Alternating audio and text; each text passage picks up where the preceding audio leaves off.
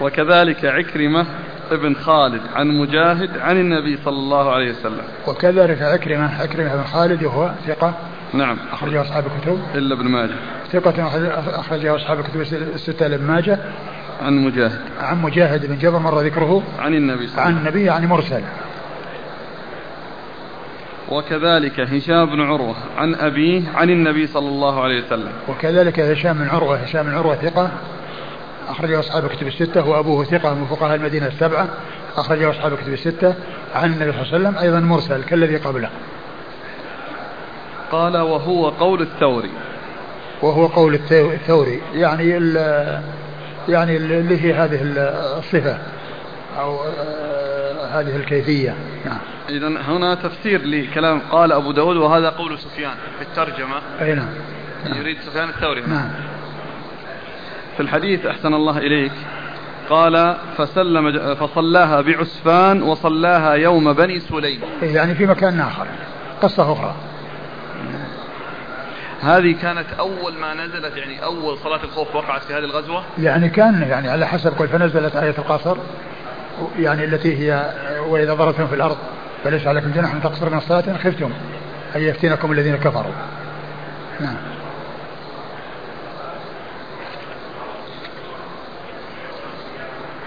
معنى فنزلت آية القصر بين الظهر والعصر.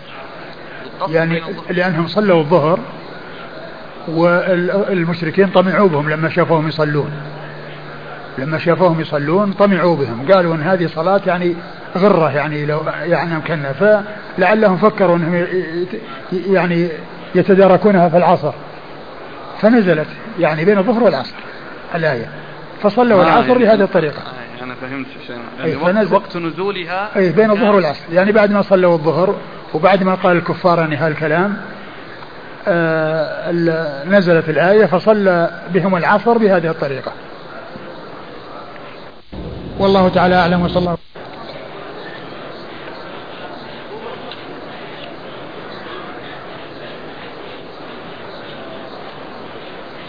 بسم الله الرحمن الرحيم. الحمد لله رب العالمين. والصلاة والسلام على عبد الله ورسوله نبينا محمد وعلى آله وصحبه أجمعين. أما بعد قال الإمام أبو داود السجستاني رحمه الله تعالى باب من قال.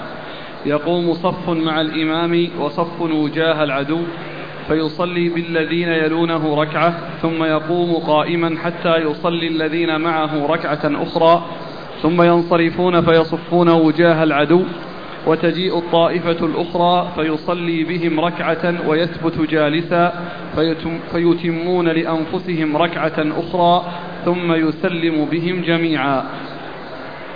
قال حدثنا عبيد الله بن معاذ قال حدثنا أبي قال حدثنا شعبة عن عبد الرحمن بن القاسم عن أبيه عن صالح بن خوات عن سهل بن أبي حثمة رضي الله عنه أن النبي صلى الله عليه وآله وسلم صلى بأصحابه في خوف فجعلهم خلفه صفين فصلى بالذين يلونه ركعة ثم قام فلم يزل قائما حتى صلى الذين خلفهم ركعة. ثم تقدموا وتأخر الذين كانوا قدامهم فصلى بهم النبي صلى الله عليه وآله وسلم ركعة ثم قعد حتى صلى الذين تخلفوا ركعة ثم سلم.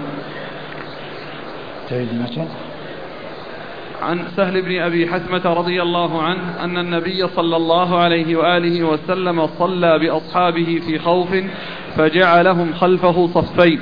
فصلى بالذين يلونه ركعة ثم قام فلم يزل قائما حتى صلى الذين خلفهم ركعة. ثم تقدموا وتأخر الذين كانوا قدامهم فصلى بهم النبي صلى الله عليه وآله وسلم ركعة. ثم قعد حتى صلى الذين تخلفوا ركعة ثم سلم. بسم الله الرحمن الرحيم. الحمد لله رب العالمين. وصلى الله وسلم وبارك على عبده ورسوله نبينا محمد وعلى آله وأصحابه أجمعين. أما بعد فهذه الترجمة من الكيفيات التي جاءت بها صلاة الخوف عن رسول الله صلى الله عليه وسلم.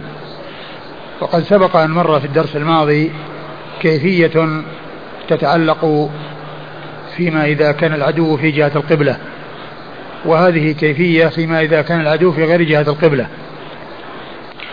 والترجمة واضحة أنه يجعلهم آه، صفين آه، صف تجاه العدو وصف معه فيصلي بهم ركعة ثم يقوم الركعة الثانية ويثبت قائما حتى يصلي الذين معه ركعة ثانية لأنفسهم ثم ينصرفون ويأتي الذين هم في وجاه العدو فيصلي بهم ركعة ويثبت جالسا بعد أن ينهي الركعة فيأتون بالركعة التي بقيت عليهم ثم يسلم بهم جميعا. هكذا يقول المصنف.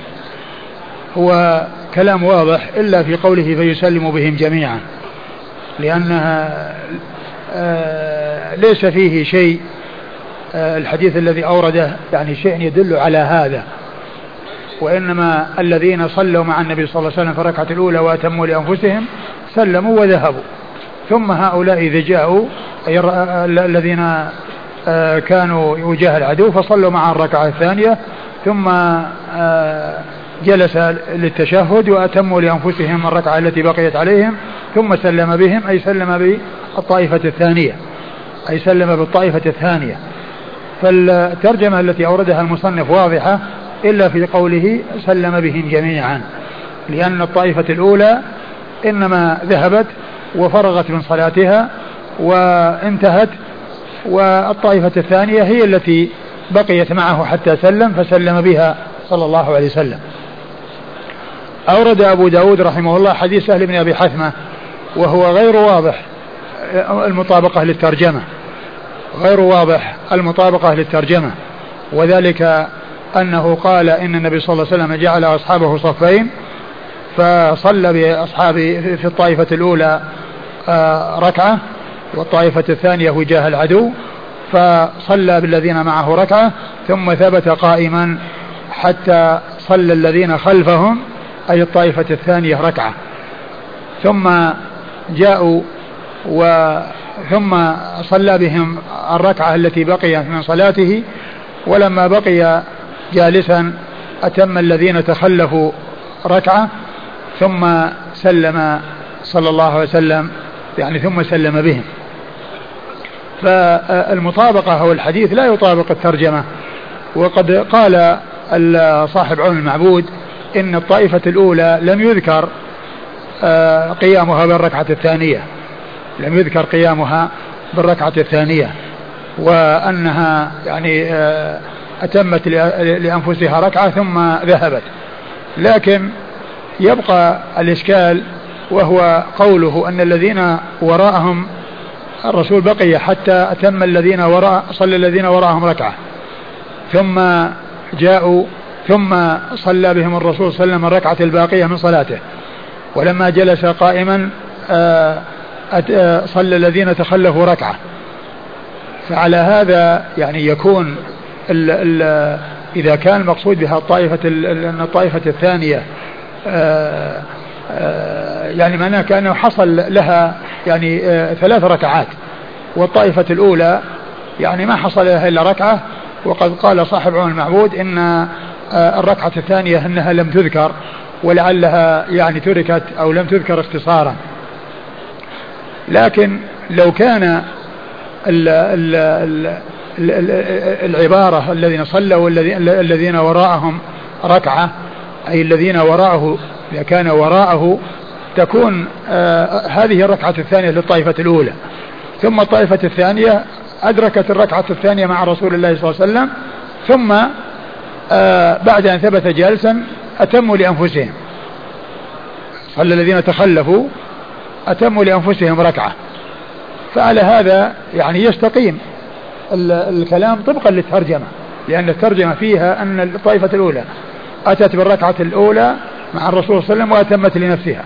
والطائفة الثانية أتت بالركعة الثانية مع الرسول صلى الله عليه وسلم وأتمت لنفسها والرسول صلى الله عليه وسلم جالس. ثم سلم بهم. ثم سلم بهم.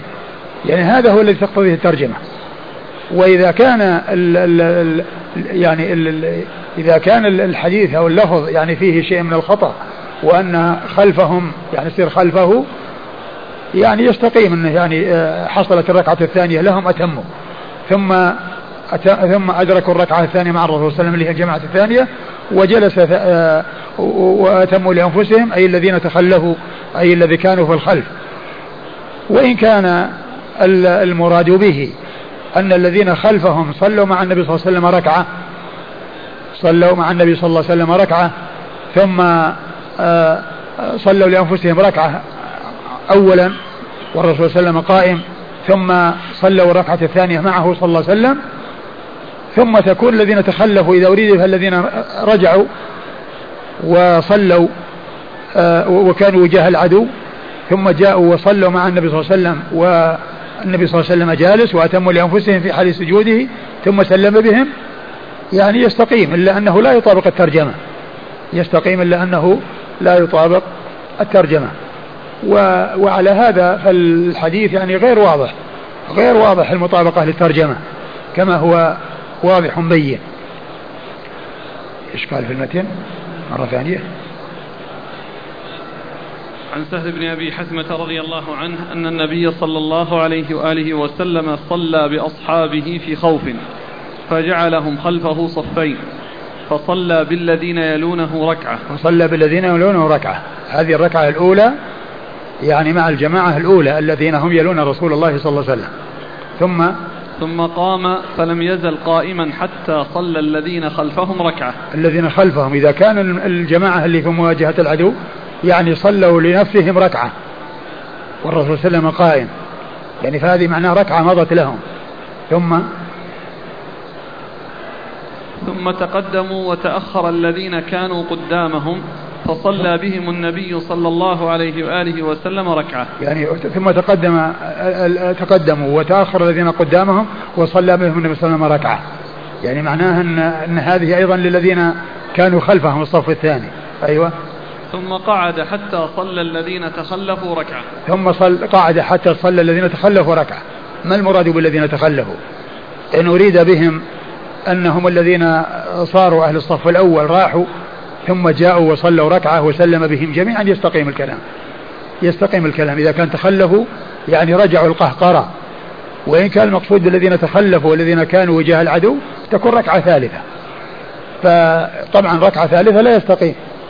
ولو قيل إن كما قال صاحب عون المعبود إن الجماعة الثانية ما ذكرت الركعة لهم وأنهم أتموا لأنفسهم يبقى الإشكال وأن هؤلاء عندهم ثلاث ركعات. لكن إذا كانت الترجمة الحديث لا يطابق الترجمة يمكن أن يقال إن يعني كما هو ظاهر لفظ الحديث أن الرسول صلى الله عليه وسلم صلى بالجماعة الأولى ركعة ثم ذهبت. يعني ثم يعني آه ذهبت. ثم جاءت الطائفة الثانية وصلفت ركعة والرسول صلى الله عليه وسلم قائم فتكون هذه الركعة الأولى لهم. ثم الركعة الثانية لهم الركعة الثانية مع الرسول صلى الله عليه وسلم. فإذا جلسوا للتشهد يكونون قد صلوا ركعتين. بقي الذين تخلفوا ورجعوا. إذا كانوا قد جاءوا وصلوا يعني الركعة تكون هذه الركعة الأخيرة لهم. فتكون معناها الطائفة الثانية عندها يعني آه، ركعة قبل الصلاة مع الرسول صلى الله عليه وسلم وعندها الركعة الثانية مع الرسول صلى الله عليه وسلم. والطائفة الأولى الذين هم تخلفوا يعني عندهم الركعة الأولى وكونهم أتموا لأنفسهم والرسول صلى الله عليه وسلم جالس وثم يسلم به جميعا يستقيم هذا المعنى. لكن الترجمة التي ذكرها المصنف بالتفصيل هذا لا يستقيم مع هذا مع هذا الحديث. الترجمة التي ذكرها المصنف بالتفصيل لا يستقيم مع هذا الحديث. والحديث ما أدري يعني كيف يعني لفظه يعني ما هو ما هو واضح. لأنه لو كان ال ال ال ال يعني إن كان المقصود بأن الجماعة الأولى صلوا الركعة الأولى مع الرسول صلى الله عليه وسلم ثم صلوا والنبي صلى الله عليه وسلم جالس معناه يعني صلاتهم يعني تتخللها صلاة الطائفة الأولى الطائفة الثانية ثم يسلموا بهم جميعا فيستقيم الحديث لكن لا يطابق الترجمة. الترجمة هي واضحة النبي صلى الله عليه وسلم صلى بالجماعة الأولى ركعة وصلت أتمت لنفسها وهو قائم ثم الثانية جاءت وصلت مع الرسول صلى الله عليه وسلم الركعة الثانية وأتمت لنفسها والرسول صلى الله عليه وسلم جالس ثم سلم بالطائفة الثانية. يعني سلم بالطائفة الثانية. هذا هو الذي يطابق الترجمة. فالحديث لا يطابق الترجمة ولا مطابقة بين الحديث والترجمة. ولكن يعني يمكن أن يكون يعني واضح إذا كانت الركعة الأولى مع الرسول صلى الله عليه وسلم للطائفة الأولى ثم أتموا لأنفسهم أي الطائفة الأولى بعد أن جلس للتشهد. والطائفة الثانية صلت لنفسها ركعة. والنبي صلى الله عليه وسلم قائم في الركعة الثانية ثم قامت وصلت مع النبي صلى الله عليه وسلم الركعة الثانية. وبذلك صلت الركعتين. يعني يستقيم وضع الحديث على هذا. شوف الحديث اقرأ مرة ثانية. عن سهل بن أبي حثمة رضي الله عنه أن النبي صلى الله عليه وآله وسلم صلى بأصحابه في خوف فجعلهم خلفه صفين. فصلى بالذين يلونه ركعة ثم قام فلم يزل قائما حتى صلى صلى الذين خلفهم ركعة. صلى الذين خلفهم ركعة. هذه الركعة الأولى للطائفة الثانية. ثم, ثم تقدموا وتأخر الذين كانوا قدامهم. ثم تقدموا اللي هم الطائفة الثانية وتأخر الذين قدامهم الذين صلوا ركعة مع الرسول صلى الله عليه وسلم. فصلى بهم النبي صلى الله عليه وآله وسلم ركعة. فصلى بهم النبي صلى الله عليه وسلم ركعة يعني بالطائفة الثانية. وبذلك انتهت الركعتان للطائفة الثانية. بقيت الطائفة الأولى بقي لها ركعة. ثم؟ ثم قعد حتى صلى الذين تخلفوا ركعة. ثم قعد حتى صلى الذين تخلفوا. يعني المقصود تخلفوا تخلفوا يعني رجعوا يعني رجعوا يعني آه يعني رجعوا. إلى الخلف الذين كانوا في الخلف. إيه رجعوا إلى الخلف. إيه؟ اللي كانوا أولا ثم رجعوا الخلف. فيكون يعني معناه أن ركعتيهم صارت في الأول وفي الآخر. إيه؟ في الأول وفي الآخر. بس هذا لا يطابق الترجمة. هذا الكلام لا يطابق الترجمة. إحنا صح الحديث الترجمة أصلا محطوطة بين معكوفتين. ما ندري لا بس ما ندري بس الكلام على الكلام على ال ال يعني الترجمة الآن يعني الحديث نفسه يعني وضعه غير وضع الترجمة. هو وضعه بين معكوفتين هذا الله أعلم أنه يعني يعني تدخيل نسخ ملفق ترجمة الآن ما هي كلها يعني باب من قال يقوم صف مع لا وبعدين وبعدين سيأتي للمصنف أنه يقول حديث عبيد الله مثل حديث يحيى بن سعيد.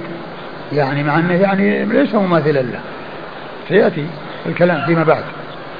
ولا يكون الحديث هذا فيه اختصار؟ هذا؟ إيه؟ من أي ناحية اختصار يعني اختصار وشو اللي قال صاحب عن المعبود يعني الركعة الثانية أن الطائفة الأولى أتمت لنفسها والنبي صلى الله عليه وسلم قائم؟ بس يبقى عندنا أنها ثلاث ركعات للطائفة الثانية. إذا صار ثلاث ركعات بعيد. إيه هذا لا يكون.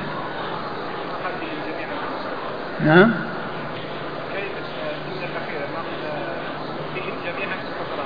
لا لا بهم جميعا هذا هذه ترجمة. كلمة بهم جميعا هذه جاءت في الترجمة هو الترجمة ما فيها أشكال واضحة. هي مطابقة للحديث الذي سيأتي الترجمة التي سيأتي حديث صالح بن خوات الذي من طريق يزيد بن الرومان. يعني هذه اللي مطابقة للترجمة هذه مطابقة للترجمة. لكن هذا الحديث يعني هو هذا يعني هذا هو هو ظاهره. يعني إن الطائفة الأولى يعني ركعتها الثانية كانت الرسول جالس للتشهد. كانت الرسول صلى الله عليه وسلم جالس للتشهد والطائفة الثانية. الركعة الأولى لها والرسول صلت لنفسها وحدها والرسول صلى الله عليه وسلم قائم ثم صلت معه الركعة الثانية. ثم جلست حتى سلمت مع الرسول صلى الله عليه وسلم. والطائفة الأولى يعني صلت معه الركعة الثانية والنبي صلى الله عليه وسلم جالس. فتكون صلاتها أو ركعتيها متباعدة. يعني معناها أنهم راحوا ولم يسلموا. باقون في الصلاة. وجاءوا وصلوا ركعة ثانية والنبي صلى الله عليه وسلم جالس وسلم بهم جميعا يستقيم هذا الكلام من ناحية التسليم. لكن لا يستقيم من ناحية الأولى أتمت لنفسها الركعة الثانية ثم جاءت الطائفة الثانية وصلت الركعة الأولى مع الرسول صلى الله عليه وسلم ثم أتمت لنفسها والنبي صلى الله عليه وسلم جالس ثم سلم بهم. يعني لا يستقيم هذا. الترجمة ما فيها أشكال واضحة بس الحديث لا يطابق الترجمة. سلم بهم ماشي تستقيم يعني سلم بهم لكن الكلام الذي ذكره في الترجمة ما هو موجود في الحديث. لأن الذي الذي في الترجمة أن الأولى الركعة الأولى مع الرسول صلى الله عليه وسلم والركعة الثانية معه وأتمت لنفسها. الركعة الثانية لكن يعني معناه كأنها ما سلمت. ثم جاءت الطائفة الأولى الثانية وركعت الركعة الثانية وجلس النبي صلى للتشهد وأتت بالركعة التي عليها وسلم بهم. وسلم بهم. بس هذا يعني يعني لا بعيد أن يكون إن أنها راحت وهي ما سلمت ثم يعني سلمت بعد ذلك. على كل حديث يعني بلفظه يعني يستقيم إذا قيل إن الطائفة الأولى ركعتها الأخيرة عند التشهد. والطائفة الثانية ركعتها الأولى لنفسها مستقلة ثم الركعة الثانية مع الرسول صلى الله عليه وسلم. نعم. هو لو قيل يعني ان إن ال إن ال آه، ثم صل حتى صلى الذين خلفهم يعني خلفه يعني يستقيم. يعني معناه يستقيم مع الترجمة لكن بس يبقى الإشكال أن بعد ذلك قال ثم تقدموا وتاخر الذين قدامهم ثم تقدموا وتآخر الذين قدامهم يعني معناه هذا ما يصير يعني ما يستقيم. إذا قلنا أنه يعني لعل يعني خلفهم هي خلفه وتكون الركعة هذه للطائفة الأولى. ما يستقيم. وهذا كله مبني على أن العدو ليس في جهة القبلة. نعم. على أنه ليس في جهة القبلة. لأنه الآن هو الترجمة هذه مبنية على غير جهة القبلة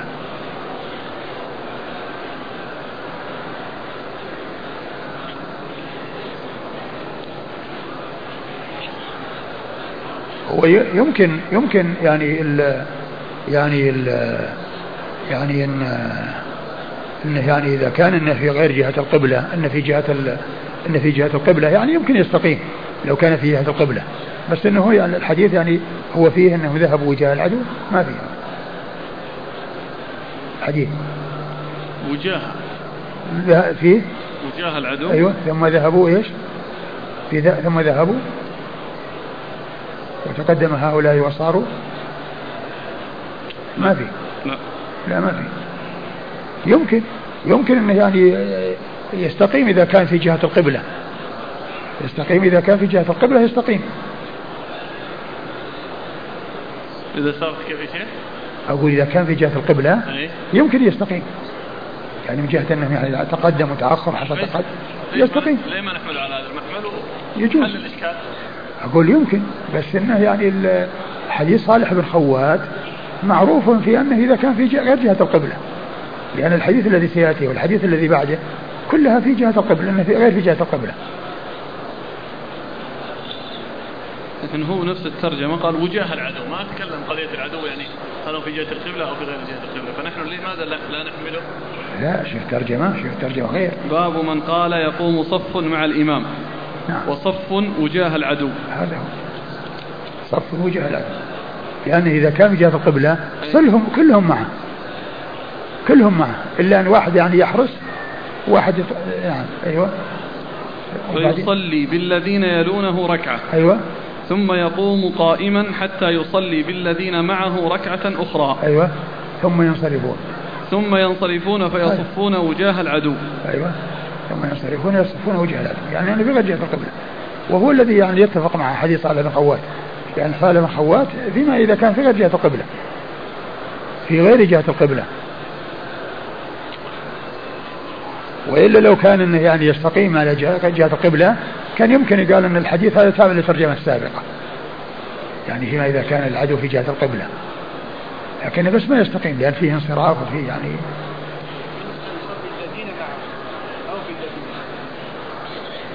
نعم يصلي بالذين معه في الطائفة الأولى أي أي, أي نعم ها؟ إيش؟ إيش؟ طيب يصلي الذين معه نعم يصلي الذين معه يصلي بالذين معه يصلي الذين معه واحد.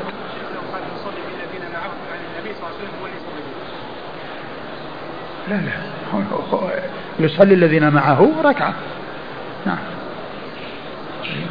قال حدثنا عبيد الله بن معاذ. عبيد الله بن معاذ بن معاذ العنبري ثقة أخرجه البخاري ومسلم وأبو داود والنسائي. عن أبيه.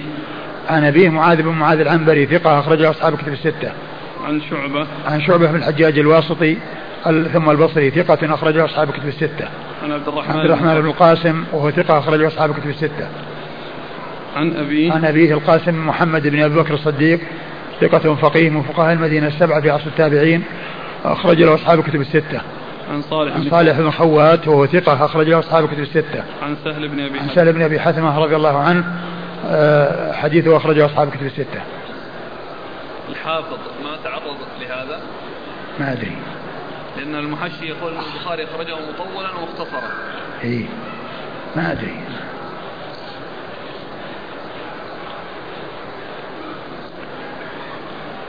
قال رحمه الله تعالى باب من قال إذا صلى ركعة وثبت قائما أتموا لأنفسهم ركعة ثم سلموا ثم انصرفوا فكانوا وجاه العدو واختلف في السلام. قال حدثنا القعنبي عن مالك عن يزيد بن رومان عن صالح بن خوات عمن صلى مع رسول الله صلى الله عليه وآله وسلم يوم ذات الرقاع صلاة الخوف أن طائفة صفت معه وطائفة وجاه العدو فصلى بالتي معه ركعة ثم ثبت قائما وأتموا لأنفسهم ثم انصرفوا وصفوا وجاه العدو وجاءت الطائفة الأخرى فصلى بهم الركعة التي بقيت من صلاته ثم ثبت جالسا وأتموا لأنفسهم ثم سلم بهم. قال مالك وحديث يزيد بن الرومان ابن رومان أحب ما سمعت إلي.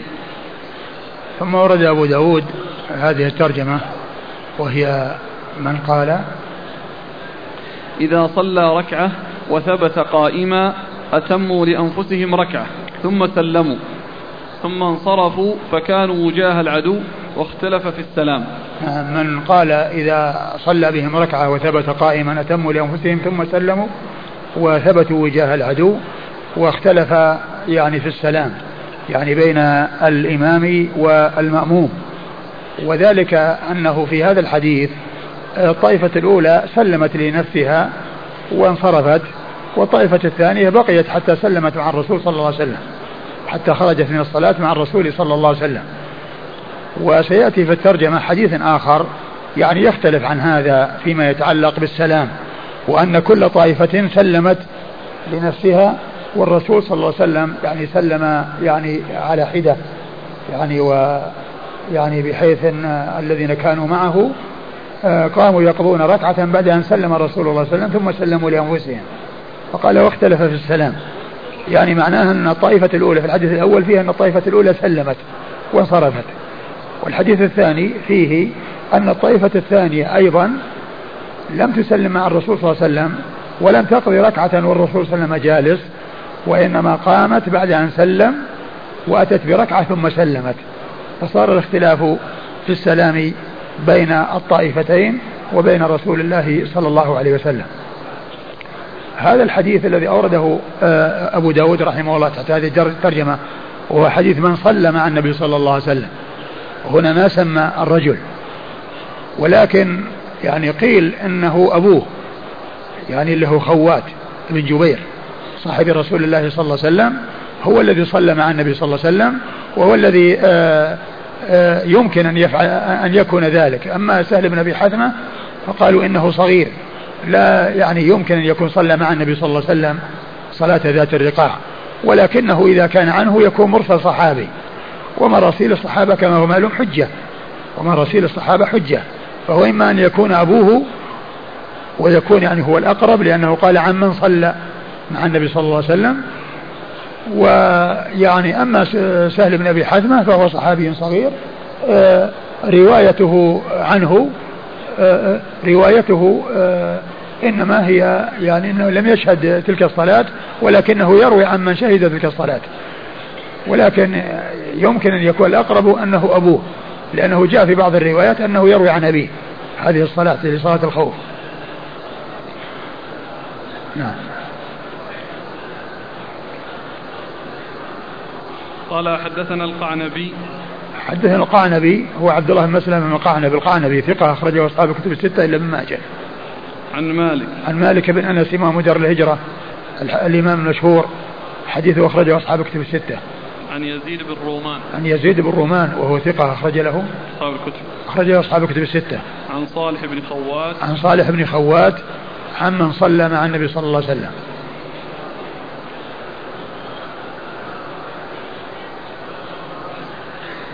قال مالك وحديث يزيد بن رومان أحب ما سمعت إلي قال مالك وحديث, وحديث يزيد بن رومان أحب ما سمعت إلي لأنه هو الذي فيه أن يعني صلاة الطائفة الثانية كانت يعني مع بعض ومتصلة وأنها فرغت من صلاتها وجاءت الطائفة الثانية وصلت مع النبي صلى الله عليه وسلم الركعة الثانية وبقيت مع صلت وهو جالس.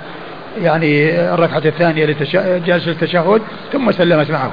فتكون هذه الهيئة هي أخف الأعمال أو أخف الصلاة يعني من حيث الحركات والذهاب والإياب وما إلى ذلك. ولهذا رجحها بعض أهل العلم كالإمام مالك وغيره واختاروها لأنها أقل الهيئات يعني آه، حركات في الصلاة. نعم.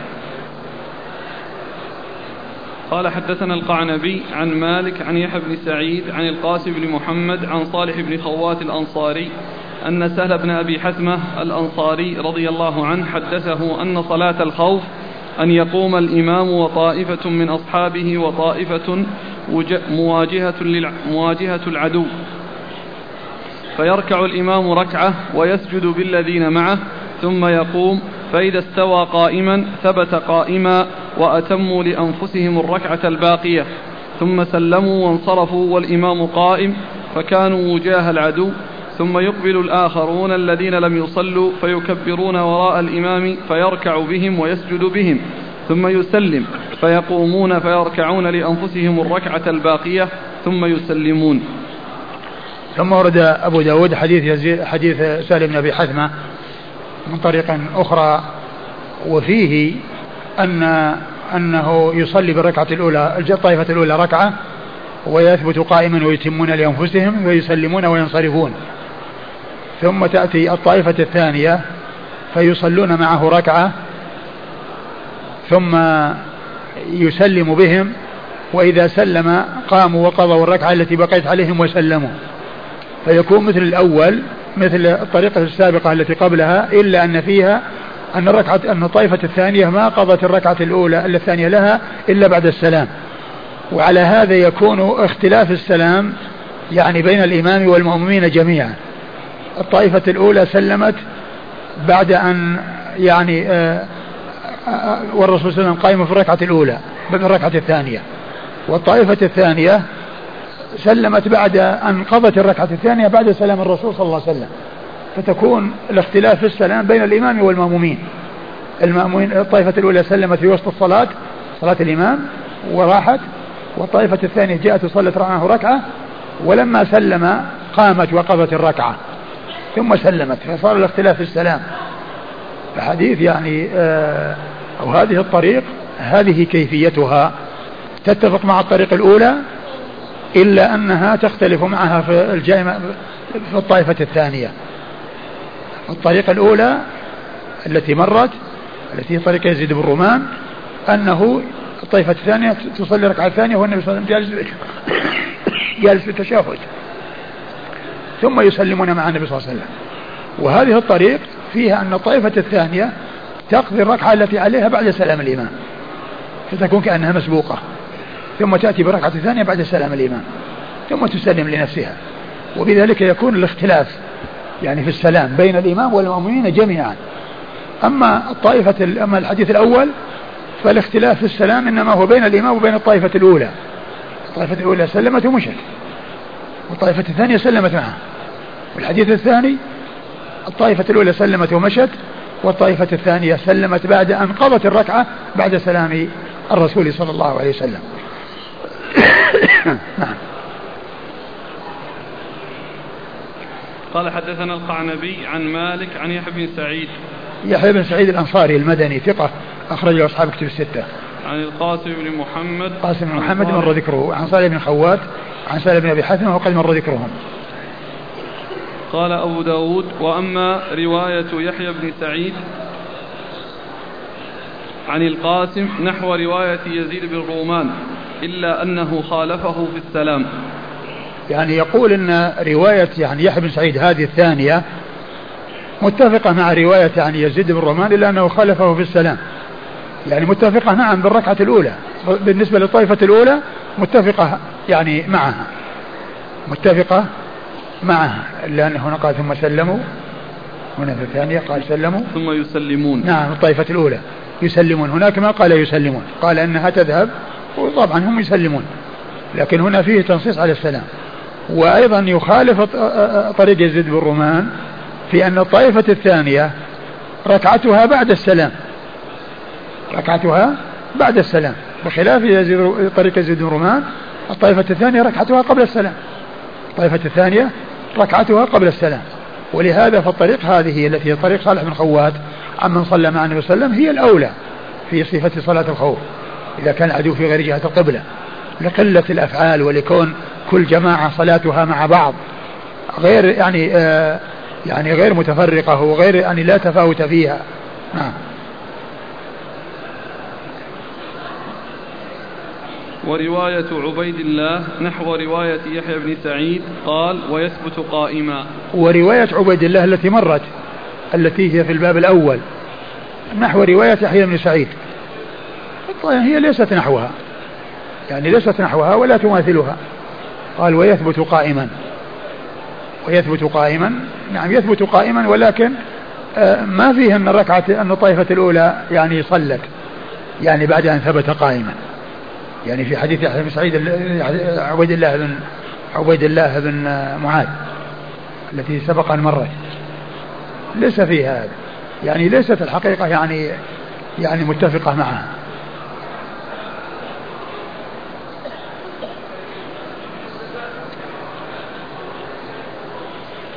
قال رحمه الله تعالى باب من قال يكبرون جميعا وإن كانوا مستدبر القبلة ثم يصلي بمن معه ركعة ثم يأتون مصاف أصحابهم ويجيء الآخرون فيركعون لأنفسهم ركعة ثم يصلي بهم ركعة ثم تقبل الطائفة التي كانت مقابل العدو فيصلون لأنفسهم ركعة والإمام قاعد ثم يسلم بهم كلهم جميعا. قال حدثنا الحسن بن علي قال حدثنا أبو عبد الرحمن المقري قال حدثنا حيوة وابن لهيعة. قال أخبرنا أبو الأسود أنه سمع عروة بن سمع عروة بن الزبير سمع عروة بن الزبير يحدث عن مروان بن الحكم أنه سأل أبا هريرة رضي الله عنه هل صليت مع رسول الله صلى الله عليه وآله وسلم صلاة الخوف؟ قال أبو هريرة نعم. قال مروان متى؟ فقال أبو هريرة عام غزوة نجد. قام رسول الله صلى الله عليه وآله وسلم إلى صلاة العصر فقامت معه طائفة وطائفة أخرى مقابل مقا وطائفة أخرى مقابل العدو وظهورهم إلى القبلة. فكبر رسول الله صلى الله عليه وآله وسلم فكبروا جميعا الذين معه والذين مقابل العدو. ثم ركع رسول الله صلى الله عليه وآله وسلم ركعة واحدة وركعت الطائفة التي معه ثم سجد فسجدت الطائفة التي تليه والآخرون قيام مقابل العدو مقابل العدو. ثم قام رسول الله صلى الله عليه وآله وسلم وقامت الطائفة التي معه فذهبوا إلى العدو فقابلوهم وأقبلت الطائفة التي كانت مقابل العدو فركعوا وسجدوا ورسول الله صلى الله عليه وآله وسلم قائم كما هو. ثم قاموا فركع رسول الله صلى الله عليه وآله وسلم ركعة أخرى وركعوا معه وسجد وسجدوا معه. ثم أقبلت الطائفة التي كانت مقابل العدو فركعوا وسجدوا ورسول الله صلى الله عليه وآله وسلم قاعد ومن كان معه. ثم كان السلام. فسلم رسول الله صلى الله عليه وآله وسلم وسلموا جميعا. فكان لرسول الله صلى الله عليه وآله وسلم ركعتان ولكل رجل من الطائفتين ركعة ركعة ركعة. ثم ورد أبو داود يعني هذه الترجمة وهي أن ال أن ال الجيش يعني يكون مجموعتين مجموعة مواجهة العدو ومجموعة يعني خلف الرسول صلى الله عليه وسلم. وأنه يدخل في الصلاة فيدخلون معه جميعا يكبرون معه الذين كانوا مستقبل القبلة وراءه والذين كانوا مستدبريها في وجاه العدو فيدخلون في الصلاة جميعا ويكبرون. ثم الرسول صلى الله عليه وسلم يصلي بالذين معه ركعة وإذا فرغ منها وقام يعني آه، وقام الذين معه ذهبوا إلى وجاهة العدو وجاء أولئك الذين كانوا مستدبر القبلة وصلى وصلوا لأنفسهم ركعة. والنبي صلى الله عليه وسلم قائم في الركعة الثانية. ثم صلوا مع النبي صلى الله عليه وسلم الركعة الثانية. وإذا جلس للتشهد جاءت الطائفة الأولى التي ذهبت وقد بقي عليها ركعة وصلت تلك الركعة والنبي صلى الله عليه وسلم جالس ثم سلم بهم جميعا. ثم سلم بهم جميعا. فهذه تشبه الطريقة الأولى التي مرت حديث عبيد الله بن معاذ. يعني أن يعني على على على, على الذي ذكرت أن يعني الذين تخلفوا المقصود بهم الطائفة الأولى وأنهم راحوا بقي عليهم ركعة ثم جاءوا وأتموا وسلم بهم جميعا. فهذه تشبه تلك لأن الطائفة الأولى في حديث أبي هريرة صلوا مع النبي صلى الله عليه وسلم ركعة ثم انصرفوا. ثم جاءت الطائفة الثانية وصلت لنفسها ركعة والنبي صلى الله عليه وسلم قائم. ولما جاءت للركعة الثانية صلتها مع الرسول صلى الله عليه وسلم. لما وصلت الركعة الثانية صلتها مع الرسول صلى الله عليه وسلم. ولما جلس للتشهد جاءت الطائفة الأولى التي ذهبت ووقع عليها ركعة وصلت الركعة والنبي صلى الله عليه وسلم جالس ثم سلم بهم جميعا. ثم سلم بهم جميعا. هذه الكيفية التي جاءت في حديث أبي هريرة هذا. وهي كما قلت قريبة. من الكيفية التي جاءت في حديث سهل بن أبي حثمة التي مرت في الطريق الأولى التي آه التي آه التي فيها أن الذين خلفهم صلوا الركعة الثانية ثم صلوا مع النبي صلى الركعة الثانية له ثم جاء الذين تخلفوا وصلوا الركعة والنبي صلى جالس ثم سلم بهم صلى الله عليه وسلم. نعم. فتكون الطائفة الأولى يعني معناها أنها دخلت في الصلاة يعني آه ويعني صلت مع النبي ركعة ثم ذهبت وصلى النبي صلى الله عليه وسلم بالطائفة الثانية ركعة والركعة التي صلوها لأنفسهم ثم جاءوا وصلوا والنبي صلى الله عليه وسلم جالس. فتكون الطائفة الأولى لها الركعة الأولى ولها إتمام ركعتها في حال التشهد. نعم. قال حدثنا الحسن بن علي. الحسن بن علي الحلواني ثقة أخرجه أصحاب كتب الستة إلا النسائي. عن أبي عبد الرحمن المقري. عن أبي عبد الرحمن المقري وهو عبد الله بن يزيد المكي ثقة أخرج له أصحاب كتب الستة. عن حيوة. عن حيوة بن شريح المصري وهو ثقة أخرجه أصحاب كتب الستة. وابن لهيعة. وابن لهيعة هو عبد الله بن لهيعة. وهو صدوق احترقت كتبه ويعني ساء حفظه. ولكنه هنا مقرون بشخص ثقة. نعم. أخرج له مسلم وحديثه أخرجه مسلم وأبو داود. الترمذي وابن ماجه. مسلم وأبو داود والترمذي وابن ماجه. عن عروة بن الزبير. عن عروة بن الزبير بن العوام وهو ثقة فقيه. أحد فقهاء المدينة السبعة في عصر التابعين. أخرج له أصحاب كتب الستة. عن مروان بن الحكم. عن مروان بن الحكم وهو احتج به البخاري وقال لا يتهم في الرواية قال في قال عنه لا يتهم في الرواية إيش؟ لا هو بس قال يعني في كلام اللي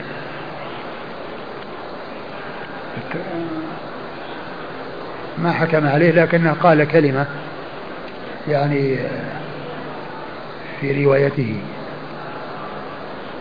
هذه من الزيادات قال عروة بن الزبير. أقول هذه من الزيادات اللي في نفس ال إيه بس جابها هو زايدة ما هي موجودة. أيوه. قال عروة بن الزبير. أيوة. لأن في النسخة الثانية ما هي موجودة دي. أيوة. ماذا قال؟ قال عروة بن الزبير مروان لا يتهم في الحديث. نعم. مروان لا يتهم في الحديث واحتج به البخاري. احتج به البخاري في صحيحه. نعم. وحديثه أخرجه؟ عند البخاري وأصحاب السنن. البخاري وأصحاب السنن. عن أبي هريرة. عن أبي هريرة عبد الرحمن بن صخر الدوسي صاحب رسول الله صلى الله عليه وسلم وأكثر الصحابة حديثا على الإطلاق رضي الله عنه وأرضاه.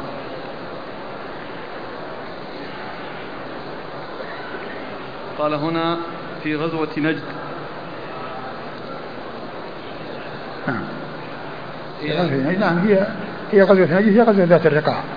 سميت بذات الرقاع.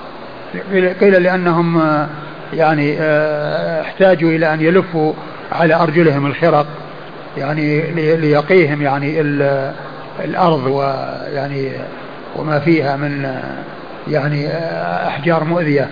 نعم. وقيل غير ذلك. كانت معروفة في السنة؟ ها؟ وقوعها؟ والله ما أدري هو قال ما قال في السنة الخامسة أو أو أو كذا يعني هي قبل الحديبية قبل خيبر. ولكن قيل إن إنها حصلت نجد مرتين ولهذا أبو هريرة ما أسلم إلا بعد خيبر فتكون معناها غزوة ثانية إلى نجد.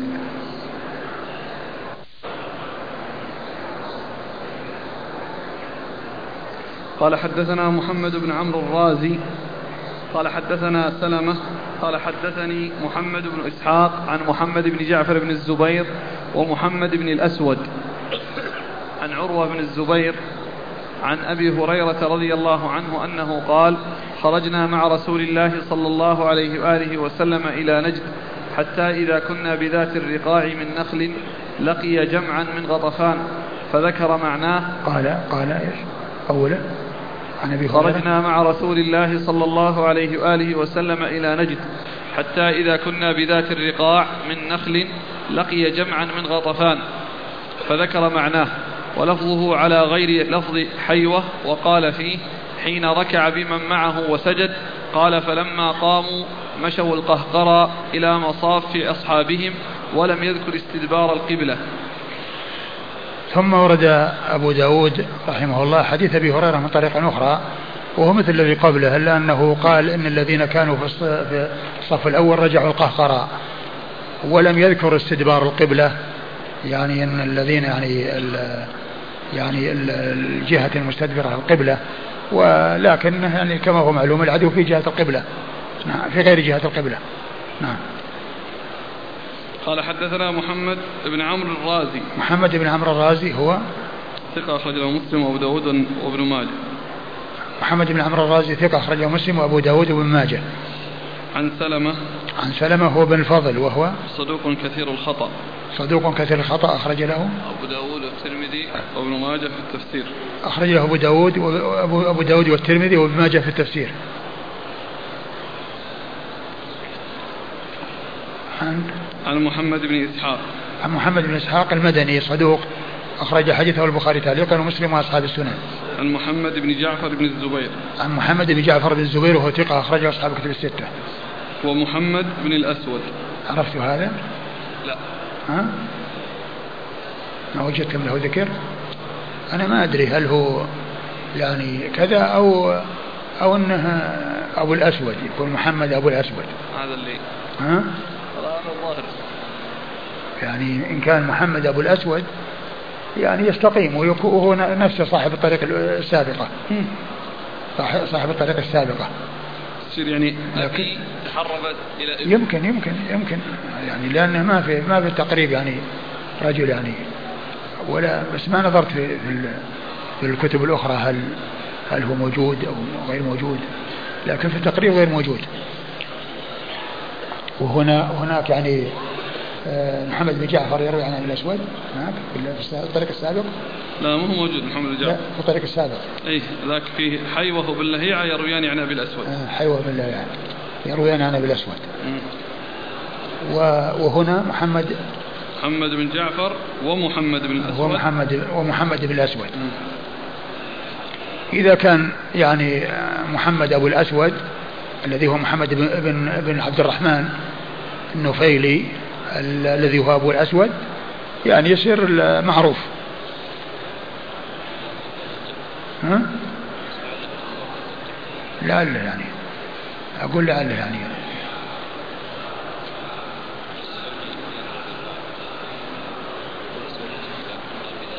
لأن لأنه كانها مكان يعني صار. كان إذا كنا بذات الرقاع يعني كأنه مكان اسمه ذات الرقاع.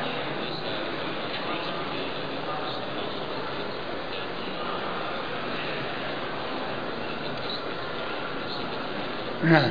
لكن هناك قيل يعني قيل إنها سميت ذات الرقاع لأنها يعني كانوا فيها يحتاجون إلى وضع الخرق على أرجلهم لتقيهم آه، آه، الأرض. لكن أبو هريرة ما ما ما أسلم إلا عام خيبر. وحج وغزوة ذات الرقاع قالوا إنها قبل. فيمكن يكون إذا كان حصل يعني مرتين. يعني غزو نجد مرتين. نعم.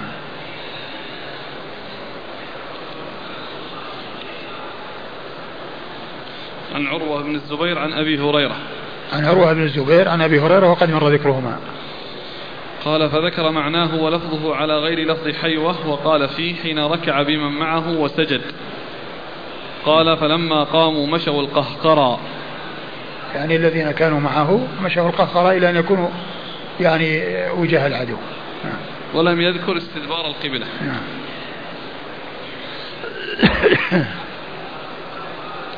قال أبو داود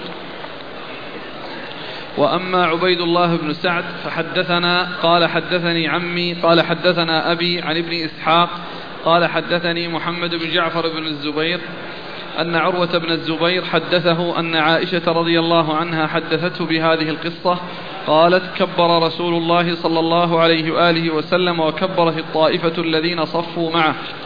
ثم ركع فركعوا ثم سجد فسجدوا ثم رفع فرفعوا ثم مكث رسول الله صلى الله عليه وآله وسلم جالسا ثم سجدوا هم لأنفسهم الثانية. ثم قاموا فنكصوا على أعقابهم يمشون القهقرى حتى قاموا من ورائهم وجاءت, وجاءت الطائفة الأخرى فقاموا فكبروا ثم ركعوا لأنفسهم ثم سجد رسول الله صلى الله عليه وآله وسلم فسجدوا معه ثم قام رسول الله صلى الله عليه وآله وسلم وسجدوا لأنفسهم الثانية. ثم قامت الطائفتان جميعا فصلوا مع رسول الله صلى الله عليه وآله وسلم فركع فركعوا ثم سجد فسجدوا جميعا. ثم عاد فسجد الثانية وسجدوا معه سريعا كأسرع الإسراع جاهدا لا يألون سراعا. ثم سلم رسول الله صلى الله عليه وآله وسلم وسلموا وقام رسول الله صلى الله عليه وآله وسلم وقد شاركه الناس في الصلاة كلها. ثم ورد أبو داود حديث عائشة رضي الله عنها وفيها قصة أخرى لصفة صلاة الخوف. وذلك أن النبي صلى الله عليه وسلم جعل أصحابه يعني قسمين أو صفين طائفة صلت معه وطائفة وجاه العدو فصلى بالذين معه يعني آه، ركع ركع وركعوا وسجد السجدة الأولى وسجدوا معه. وسجد السجدة الأولى وسجدوا معه ثم جلس وسجدوا السجدة الثانية لأنفسهم. ثم رجعوا القهقرى وجاء الذين آه، يعني في مواجهة العدو وصلوا لأنفسهم ركعة. ولما وصلوا إلى السجود سجد النبي صلى الله عليه وسلم فسجدوا معه السجدة الثانية. هو سجد الأولى وهم يسجدون الثاني هو يسجد الثانية وهم يسجدون الأولى. ثم بعد ذلك سجدوا لأنفسهم بعد أن سجد رسول الله صلى الله عليه وسلم. ثم جاءت الطائفة الثانية الأولى التي ذهبت وصلوا جميعا مع الرسول صلى الله عليه وسلم. الركعة الثانية بسرعة يعني آه، مخففين لها وسلم بهم صلى الله عليه وسلم. فإذا يكون ال ال ال ال ال الركعة الأولى آه، الجماعة الطائفة الأولى أدركت معه الركعة كلها إلا السجدة الثانية. والطائفة الثانية أدركت من الركعة الأولى السجدة الثانية. والطائفتان أدرك الركعة الثانية بكمالها ولكنه صلاها بتخفيف صلى الركعة الثانية بتخفيف. فهذه هي الكيفية التي جاءت في هذا الحديث.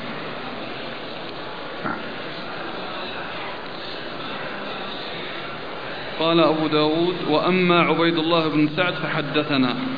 قال أبو داود وأما عبيد الله بن سعد فحدثنا يعني معناه أن فيه الحديث يعني جاء عن عائشة وجاء عن أبي هريرة وحديثه وهو من نفس الطريقة التي جاءت يعني عن عروة وعن محمد بن جعفر يعني إسناد إيش هو؟ قال إيش؟ وأما عبيد الله بن سعد فحدثنا قال حدثني عمي عن أبي عن ابن إسحاق عن محمد بن جعفر. عن ابن إسحاق؟ عن ابن إسحاق. نعم وابن إسحاق يعني في الأول وفي الثاني. نعم. يعني في الطريقة السابقة حكى ابي وفي الطريقة هذه. وفرق بين الصلاتين يعني فرقا شاسع. نعم. عبيد الله بن سعد. عبيد الله بن سعد آه بن إبراهيم وهو ثقة أخرج حديثه البخاري وأبو داود والترمذي والنسائي. عن عمه. عن عمه يعقوب بن إبراهيم وهو ثقة أخرجه أصحاب كتب الستة. عن أبيه. عن؟ أبيه. عن أبيه آه، آه، عبد يعقوب بن إبراهيم إبراهيم بن سعد وهو ثقة أخرجه أصحاب كتب الستة. عن ابن إسحاق عن محمد بن جعفر عن عروة عن عائشة. يعني وقد مر ذكرهم وأما عائشة فهي أم المؤمنين الصديقة بن الصديق رضي الله عنها وأرضاها وهي واحدة من سبعة أشخاص عرفوا بكثرة الحديث عن النبي صلى الله عليه وسلم. في الإسناد السابق محمد بن عمرو الرازي. آه، قلنا أنه مسلم وأبو داود وابن ماجه. في من زيادات أبي الأشبال البخاري. ها؟ من زيادات أبي الأشبال. البخاري؟ البخاري يصير البخاري ومسلم. وأبو داود النسائي البخاري ومسلم وأبو داود النسائي. أبو داود وابن ماجه آسف. البخاري ومسلم وأبو داود وابن ماجه. وابن ماجه في هو هو هو زاد زاد وغير آه. هو عنده البخاري ومسلم وأبو داود والنسائي الطبعة الثانية يعني- فيها مسلم وأبو داود وابن ماجه مسلم وأبو داود ما فيها البخاري. ما فيها وفيها بدال النسائي بن ماجه إيه. لكن البخاري يقول راجع الفتح والأخ يقول إني راجعت الفتح وجدته كما قال إيه. لكن بقي هذا ابن ماجه والنسائي إيه. البخاري ومسلم وأبو داود والنسائي على هذه الطبعة. أيوه. فيه عبيد محمد بن عمرو بن بكر الرازي. الرازي. نعم. زنيج نعم.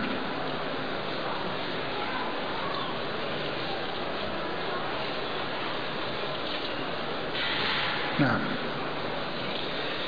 قال رحمه الله تعالى باب من قال يصلي بكل طائفة ركعة ثم يسلم فيقوم كل صف فيصلون لأنفسهم ركعة.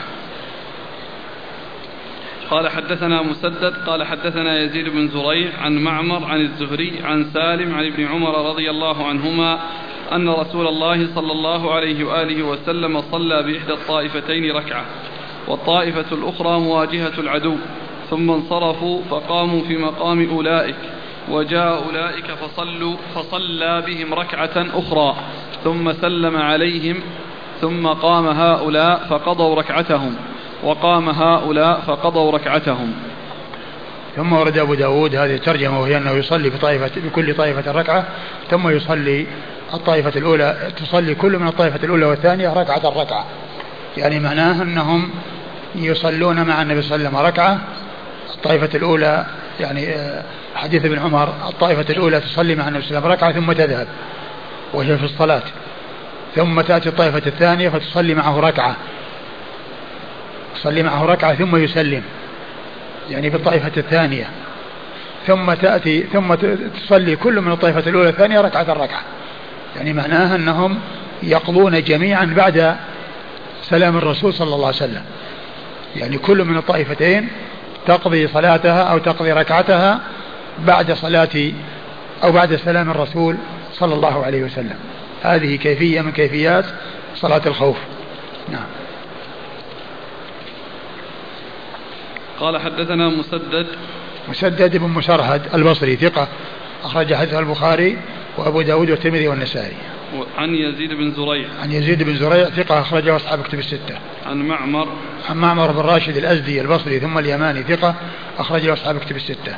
عن عن الزهري الزهري محمد بن مسلم بن عبيد الله بن شهاب الزهري ثقة فقيه أخرجه أصحاب كتب الستة. عن عن سالم سالم بن عبد الله بن عمر بن الخطاب وهو ثقة فقيه أحد فقهاء المدينة السبعة في عصر التابعين على أحد الأقوال الثلاثة في السابع منهم. عن ابن عمر. عن ابن عمر عبد الله بن عمر بن الخطاب رضي الله عنهما الصحابي الجليل أحد العبادلة الأربعة من الصحابة وأحد السبعة المعروفين بكثرة الحديث عن النبي صلى الله عليه وسلم.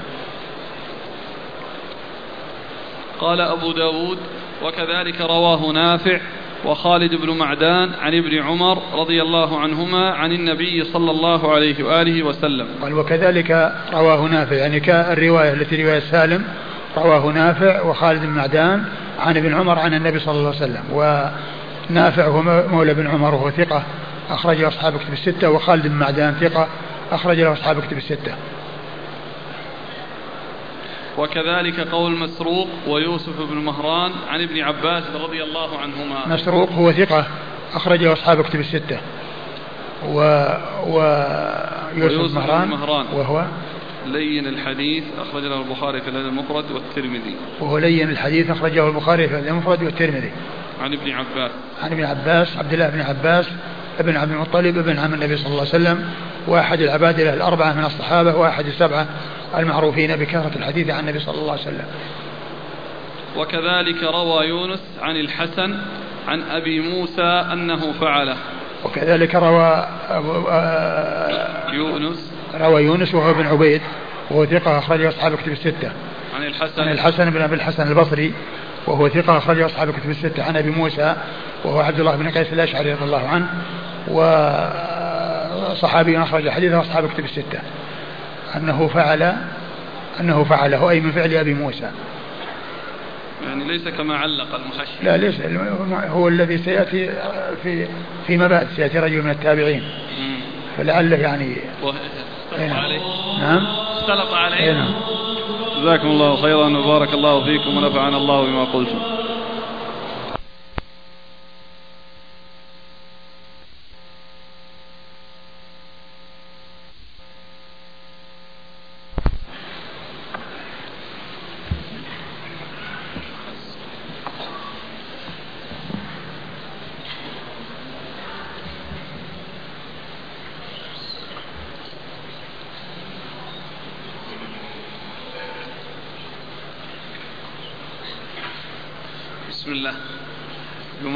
ذكر صفات صلاة الخوف. والنبي صلى الله عليه وسلم قد صلى بهم جماعة مع ما هم فيه من الخوف والشدة. فهل من كلمة توجيهية عن أهمية صلاة الجماعة؟ نعم. آه هذه الكيفية أو هذه الكيفيات لصفة صلاة الخوف مع رسول الله صلى الله عليه وسلم هذا من أوضح الأدلة الدالة على أن صلاة الجماعة واجبة. لأنها لو سقطت لا سقطت في هذه الحالات التي هي شدة الخوف. فلما حافظ عليها رسول الله صلى الله عليه وسلم وحافظ عليها المسلمون مع رسول الله عليه الصلاة والسلام دل ذلك على أن صلاة الجماعة واجبة وأنه لا يسوغ الإنسان أن يتهاون بها وأن يتساهل بها بل هذا من أوضح الأدلة الدالة على ذلك. كون الناس في خوف شديد ومع ذلك يصلون الجماعة والنبي صلى الله عليه وسلم يقسم أصحابه قسمين ناس يصلون معه وناس إلى جهة العدو. لو كانت صلاة الجماعة يعني ليست واجبة لا ما حصل شيء من ذلك ولم يحتاج إلى شيء من ذلك. وقد جاءت الأحاديث الكثيرة عن رسول الله صلى الله عليه وسلم. في وجوب صلاة الجماعة ومنها قوله عليه الصلاة والسلام للرجل الأعمى الذي جاء إليه وقال إنه شاسع الدار وليس له قائد يلائمه إلى المسجد ويطلب منه أن يرخص له أن يصلي في بيته. فقال له النبي صلى الله عليه وسلم تسمع النداء؟ هل تسمع حي على الصلاة حي على الفلاح؟ قال نعم. قال فأجب. فإذا كان عليه الصلاة والسلام لم يرخص لرجل أعمى أن يتخلف عن الجماعة فكيف يكون بمن يكون صحيحا معافى؟ سليم العينين وسليم الرجلين وسليم الأعضاء متعه الله بالصحة والعافية ثم يتهاون في الصلاة ويتكاسل في الصلاة. لما لم يرخص النبي صلى الله عليه وسلم لهذا الرجل الأعمى مع يعني ضعفه و وطول المسافة بينه وبين المسجد وعدم وجود قائد يلائمه وقد قال عليه الصلاة والسلام له أتسمع النداء؟ قال نعم. قال فأجب. فدلنا هذا على وجوب صلاة الجماعة. ومما يدلنا على ذلك أيضا أن النبي صلى الله عليه وسلم قال لقد هممت أن أمر بحطب فيحطب ثم أمر رجل فيؤم الناس ثم أخالف إلى رجال لا يشهدون الصلاة فأحرق عليهم بيوتهم بالنار.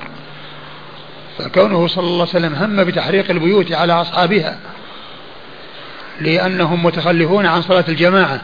في الوقت الذي الناس يصلون تحرق عليهم البيوت لأنهم متلبسون بالمعصية والناس في المساجد يصلون. فهمه صلى الله عليه وسلم بهذه العقوبة الشديدة يدلنا على وجوب صلاة الجماعة. وهو إن لم يفعل إلا أن مجرد الهم واضح الدلالة. وقد جاء في بعض الأحاديث ما يدل على أنه آه، آه، لم يفعل ذلك لما فيها من النساء والذرية الذين لا تجب عليهم الجماعة. لكن كون النبي صلى الله عليه وسلم يقول هذا الكلام ويهم بهذا الهم دليل واضح على وجوب صلاة الجماعة. ومما يدل على وجوبها أيضا أن النبي عليه الصلاة والسلام قال أثقل الصلاة على المنافقين صلاة العشاء وصلاة الفجر ولا يعلمون ما فيهما من الأجر لأتوهما ولو حبوا فبين عليه الصلاة والسلام أن الصلوات كلها ثقيلة على المنافقين ولكن العشاء والفجر أثقلها ولكن العشاء والفجر أثقلها عليهم لأن قولها أثقل يدلنا على أن الصلاة كلها ثقيلة ولكن هاتين الصلاتين أثقل. وذلك أن صلاة العشاء تكون في أول الليل حيث يكون الناس قد كدحوا في النهار وهم بحاجة إلى الراحة فالذي لا, لا يبالي بشأن الصلاة ينام. بعد المغرب ويأتي وقت العشاء وهو نائم وكذلك وقت الفجر يكون في الوقت الذي يكون فيه التمكن في النوم وطيب الفراش والتلذذ بالنوم فالمنافقين لا لا تهمهم صلاة الجماعة وإنما يهمهم مصالح أنفسهم. فالنبي صلى الله عليه وسلم قال أثقل الصلاة على المنافقين صلاة العشاء وصلاة الفجر ولا يعلمون ما فيه من الأجر لا توهم ولو حبوا ثم قال والذي نفسي بيده لو يعلم أحدهم أنه يجد عرقا سمينا أو مرمتين حسنتين لشهد العشاء. لو كان في لحم في المسجد ولو كان لحما بسيطا لو كان في أكل وطعام يعني بسيط جدا لبادر هؤلاء المنافقون إلى المسجد من أجل أن يحصلوا نصيبهم من الدنيا. لأن همهم الدنيا وليس همهم الآخرة. ولما كان أصحاب رسول الله صلى الله عليه وسلم على العكس من ذلك وعلى خلاف ذلك كان الواحد منهم يصيبه المرض ثم لا تسمح نفسه أن يصلي في بيته وهو معذور بل يأتي يهادى بين الرجلين حتى يقام في الصف كما جاء عن عبد الله بن مسعود رضي الله عنه صاحب رسول الله صلى الله عليه وسلم. قال لقد آه، آه، لقد شرع الله لنبيكم سنن الهدى وإنهن من سنن الهدى أي الصلوات الخمس. من سره من سره أن يلقى الله غدا مؤمنا فليحافظ على هذه الصلوات الخمس حيث ينادى لهن فإن الله شرع لنبيكم سنن الهدى وإنهن من سنن الهدى. ولقد رأيتنا ولقد رأيتنا وما وما يتخلف عنها إلا منافق معلوم النفاق. ولقد كان الرجل الرجل يؤتى به يهادى بين رجلين حتى يقام في الصف. يعني من شدة المرض. لا يستطيع أن يمشي بمفرده بل يحتاج إلى من يعضده عن يمينه وشماله حتى يؤتى به إلى المسجد. فهذه أحوال أصحاب رسول الله صلى الله عليه وسلم. أما المنافقون فقد قال عنهم الرسول لو يعلمون ما فيه من الأجر لأتوهما ولو حبوا فأصحاب الرسول صلى الله عليه وسلم يعلمون ما فيه من الأجر فيأتون يهادون بين الرجلين.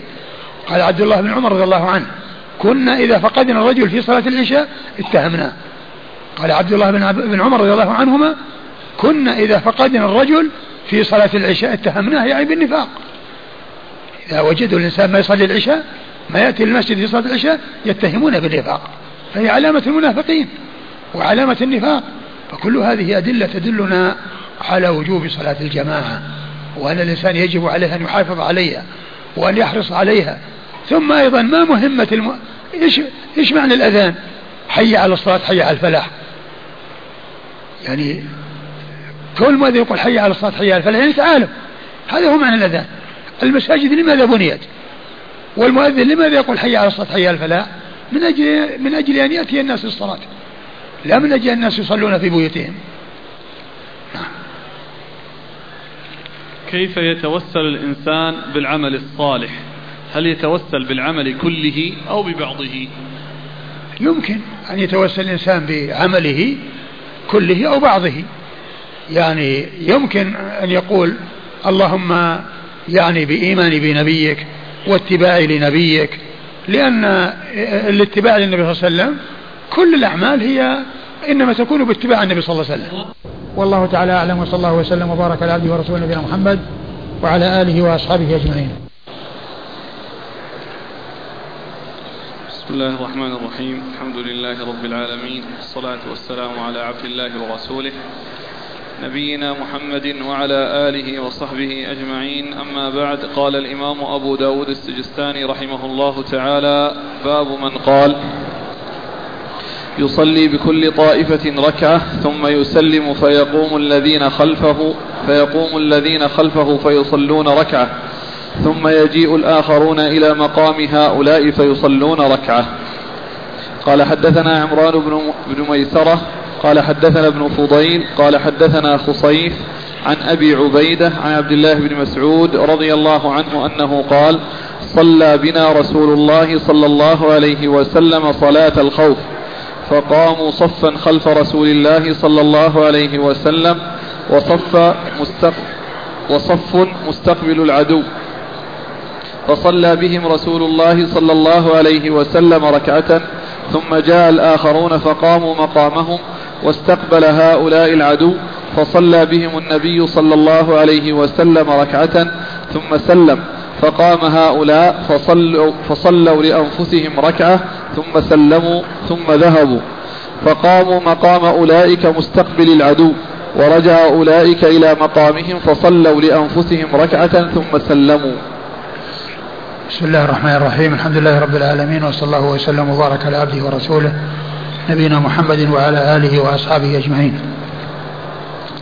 أما بعد فهذه الترجمة وهذا الحديث عن عبد الله بن مسعود رضي الله تعالى عنه فيه بيان كيفية من كيفيات صلاة الخوف التي صلاها رسول الله صلى الله عليه وسلم وكيفية هذه الصلاة أنه يجعل أو أنه جعل الجيش مجموعتين صف وراءه يصلون وصف وجاه العدو فصلى بالذين معه ركعة ثم ذهبوا ووقفوا في وجاه العدو وجاء وجاءت المجموعة الثانية فصلى بهم الركعة الثانية ثم سلم. وبعدما سلم قضوا لأنفسهم أي المجموعة الثانية فصارت الركعتان للطائفة الثانية متواليتان متواليتان. ثم بعد أن آه، سلمت المجموعة الثانية ذهبت إلى مصاف المجموعة الأولى ثم رجعت الأولى وقضت لنفسها ركعة وقضت لنفسها ركعة. فكان الذين صلوا مع النبي صلى الله عليه وسلم الركعة الأولى هم الذين صلوها آخرا. صلوا ما بقي عليهم آخرا. بعدما فرغ فرغت المجموعة الثانية من ركعتيها. الركعة الأولى لها مع رسول الله صلى الله عليه وسلم والركعة الثانية بعد سلام الرسول صلى الله عليه وسلم. فالمجموعة الثانية ركعتاها متواليتان.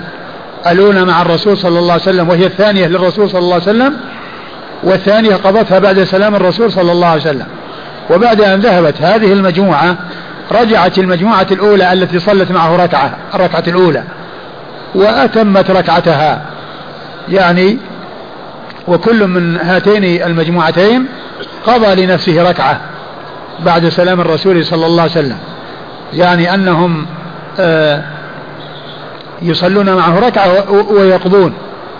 يعني ويقضون ركعة.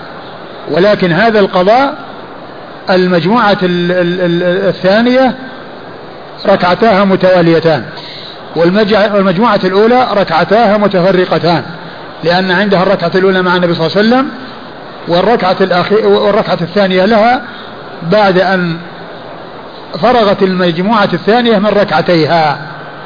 هذا هو حديث مسعود أو هذه الكيفية التي جاءت في حديث مسعود ولكن هذه الكيفية لم تصح لأن ابن مسعود يروي عنه ابنه أبو عبيدة وهو لم يسمع منه فهو منقطع.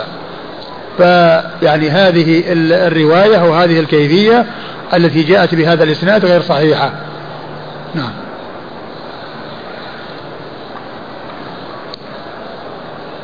قال حدثنا عمران بن ميسرة. عمران بن ميسرة ثقة أخرج حديثه البخاري وأبو داود. عن ابن فضيل. عن ابن فضيل محمد بن فضيل. بن غزوان صدوق أخرج له أصحاب الكتب الستة. عن خصيف. عن خو عن عن خصيف وهو بن عبد الرحمن وهو صدوق سيء الحفظ. صدوق سيء الحفظ واختلط. صدوق سيء الحفظ. ومن خرج له؟ أصحاب السنن. خرج له أصحاب السنن. عن أبي عبيدة. عن أبي عبيدة وهو ابن عبد الله بن مسعود آه، ثقة أخرج له أصحاب كتب الستة. عن عبد الله بن مسعود رضي الله عنه صاحب رسول الله صلى الله عليه وسلم وحديثه أخرجه أصحاب الكتب الستة والحديث آه، فيه الانقطاع وفيه الكلام الذي في خصيف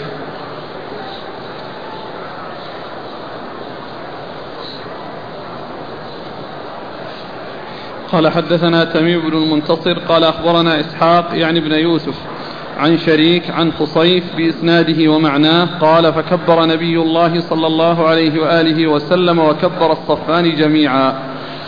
ثم ورد أبو داود رحمه الله الحديث من طريق أخرى وهو حديث مسعود من طريق ابنه أبي عبيد الله. وهو مثل الأول إلا أنه آه، يعني بمعناه إلا أنه قال كبر الطائفتان جميعا أي الذين كانوا معه والذين كانوا وجاه العدو. الذين كانوا معه والذين كانوا وجه العدو كبروا معا. إلا أن الطائفة الثانية ذهبت والطائفة الأولى كبرت وهي وجه العدو ثم جاءت وصلت معه الركعة الثانية وأتمت لنفسها بعد سلام الرسول صلى الله عليه وسلم. نعم. ما تقدم شبيه لهذه؟ فين؟ يعني هذه الصفة.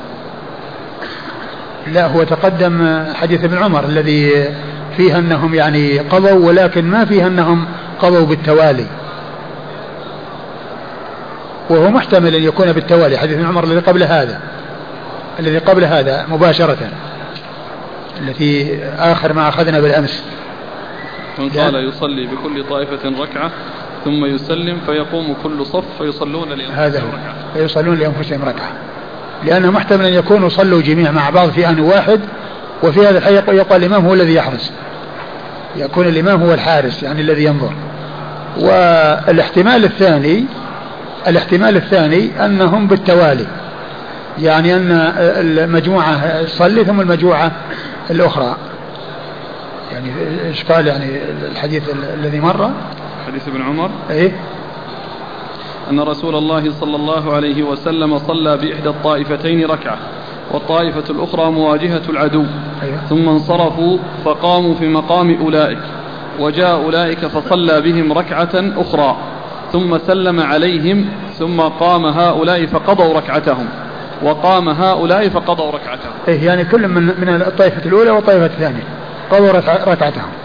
يعني محتمل أن يكون أنهم يعني آه، صلوا في آن واحد ويكون الإمام هو الذي يحرس ويحتمل أن تكون طائفة صلت وطائفة طائفة تقضي وطائفة تحرس وإذا خلصت هذه بدأت هذه. فإذا كانت على الوجه الثاني تكون متشابهة. إذا كانت على الوجه الثاني تكون متشابهة. نعم. قال حدثنا تميم بن المنتصر تميم بن المنتصر ثقة. نعم. أخرج له. أبو داود والنسائي وابن ماجه. أخرجه أبو داود والنسائي وابن ماجه. عن إسحاق يعني بن يوسف.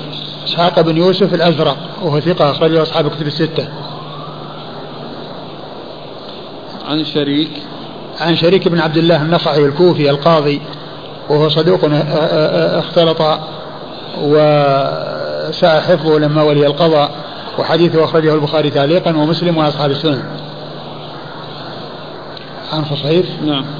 عن خصيف وقد مر ذكره. قال أبو داود رواه الثوري بهذا المعنى عن خصيف وصلى عبد الرحمن بن سمرة رضي الله عنه هكذا. الثوري هو سفيان بن سعيد المسروق الثوري ثقة أخرج حديثه أصحاب كتب الستة وهو بهذا المعنى يعني بمعنى حديث ال يعني ال المتقدم عن ابن مسعود. وصلى عبد الرحمن بن سمرة هكذا. وصلى عبد الرحمن بن سمرة هكذا يعني كالصلاة السابقة إلا أن فيها فرق. إلا أن فيها فرق يعني أن المجموعة الأولى نعم. يعني آه، المجموعة الأولى هي التي جاءت يعني تقضي بعد السلام. نعم. إلا أن الطائفة التي صلى بهم ركعة ثم سلم مضوا إلى مقام أصحابهم. وجاء هؤلاء فصلوا لأنفسهم ركعة ثم رجعوا إلى مقام أولئك فصلوا لأنفسهم ركعة. يعني هذه الكيفية يعني قريبة من الكيفية السابقة إلا أن الكيفية السابقة الطائفة الأولى الثانية ركعتها متواليتان وهذه الكيفية بخلاف ذلك لأن الذين بعدما سلم الرسول صلى الله عليه وسلم ذهبت الطائفة الثانية ووقفت مقام الذين ذهبوا أولا. فرجع الطائفة الأولى التي ذهبت وأتمت الركعة ثم الركعة الطائفة الثانية أتمت بعدها. يعني فتختلف هذه الطريقة عن الطريقة السابقة لأن الطريقة السابقة الطائفة الثانية ركعتان متواليتان وهذا ما في توالي. لا من الأولى ولا من الثانية. لأن الأولى الأولى يعني آه، صلت الثانية بعدها. يعني يعني يعني جاءت الأولى هي قضت أولا. يعني بعد يعني بعد ما سلم الإمام بالطائفة الثانية رجعت الطائفة الثانية وجاءت الأولى وصلت آه، تمام. ثم بعد ذلك آه، الطائفة الثانية صلت بعد الطائفة الأولى. هذا هو الفرق بين هذه الطريقة والطريقة السابقة. نعم. وهذه الطريقة أظن مر معنا مثلها. هي نفسها اللي جاءت عن ابن عمر. أي. هي نفسها اللي جاءت عن عمر هذه قريبا.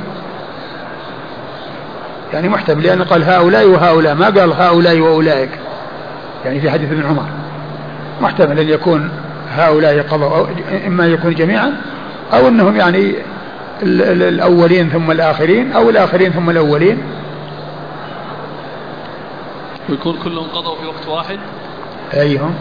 هذه الآن اللي ذكرت عن عبد الرحمن لا لا. لأن هذه يقول جاءت الطائفة الذين صلوا الركعة الأولى هم الذين جاءوا بعد السلام وقضوا.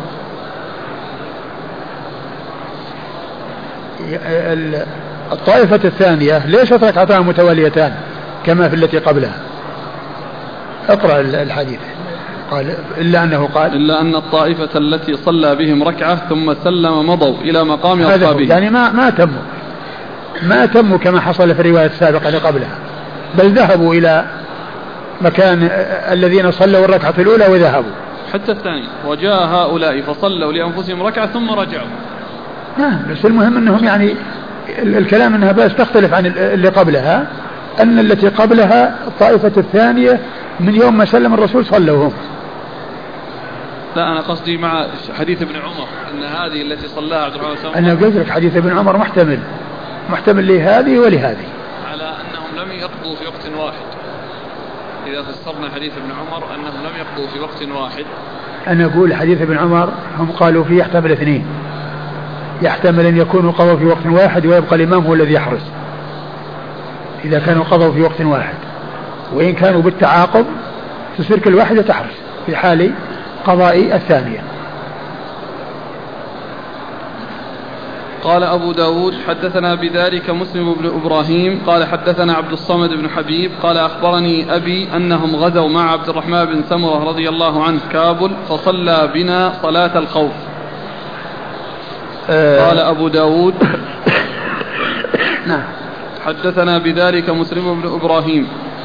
يعني آه، مسلم بن إبراهيم الفراهيدي ثقة أخرج أصحاب كتب الستة. وعبد الصمد بن حبيب ضعفه الإمام أحمد وقال ابن معين لا بأس به وأخرج حديثه أبو داود. وأبوه مجهول أخرج له أبو داود وحده. حبيب بن ابن عبد الله. حبيب بن عبد الله بن سعد الأزدي. نعم حبيب بن عبد الله وهو مجهول أخرج حديثه أبو داود. غزوا غزوا مع عبد الرحمن بن سمرة كابل. أي نعم. غزوا مع عبد الرحمن بن سمرة. يعني يحكى عن عبد الرحمن بن سمرة أنه صلى بالناس يعني هذه الصلاة وعبد الرحمن بن سمرة صاحب رسول الله صلى الله عليه وسلم وحديثه أخرجه أصحاب الكتب الستة. والحديث يعني في إسناده حبيب بن عبد الله الذي هو والد عبد الصمد وهو مجهول. فالإسناد يعني ضعيف. وهذا هذه الطريقة التي أوردها أبو داود هنا وهي ذكر الإسناد بعد المتن. يعني هذه على على خلاف طريقته. طريقته المألوفة أنه يقدم الإسناد على المتن. هل تذكرون أنه مر بنا حديث مثل من هذا النوع؟ يعني يذكر المتن أولا ويؤتى بالإسناد ثانيا بعد ذلك. أحد منكم يذكر هذا الشيء؟ أنا ما أتذكر شيء. وأذكر أن البخاري رحمه الله أورد حديثا أو أثرا عن ابن عباس في أول تفسير سورة سورة آه، آه، حاميم السجدة فصلت وذكر عن الأثر عن ابن عباس أنه جاءه رجل وسأله عن أمور قال تشتبه علي في القرآن. فبعد أن ذكرها أجابه ابن عباس عنها. ثم قال يعني ثم بعد ذلك أورد البخاري الإسناد. أورد البخاري بعد أن ذكر الأثر عن ابن عباس عن المنهال عن سعيد عن ابن عباس وذكر حديث يعني أثر طويل. يعني فيه أسئلة أشكلت على رجل في القرآن مشتبهة قد تشتبه عليه في القرآن أشياء تتعارض وأشياء فيها تعارض. فأجابه عنها ابن عباس ثم إن البخاري ذكر الإسناد بعد ذلك. قال حدثناه أو حدثنا به فلان بن فلان حتى وصل إلى المنهال. ثم قال الحافظ بن حجر في فتح الباري وصنيع البخاري يعني في إيراد هذا الإسناد على خلاف عادته وصنيعه يشعر بأنه ليس على شرطه. يعني كونه يعني فعل هذا قال إنه ليس على شرطه. وثم قال إن صنيع إن ابن خزيمة في صحيحه يفعل ذلك في مواضع عديدة وهو على شرطه ليس على شرطه. يقول ابن خزيمة يعني أنني أحرج من يعني يروي أنه لا يروي إلا بهذه الكيفية. يعني إذا روى يعني شيئا من يعني من هذا يعني من هذا النوع الذي يذكر المتن أولا والإسناد آخرا أنه لا يذكره كالأحاديث التي تأتي الإسناد أولا والمتن آخرا. يعني نفس ابن خزيمة يعني في اصطلاحه أنه إذا جعل المتن في الأول والحديث والإسناد في الآخر أنه يعني يختلف عن شرطه. هكذا ذكر الحافظ بن حجر عند شرح هذا الحديث أو هذا الأثر عن ابن عباس في أول تفسير فصلت. وأنا ذكرت هذه الفائدة في الفوائد المنتقاة يعني رقم 235 رقم 235 وأذكر أن البخاري له أيضا أثر آخر في كتاب العلم.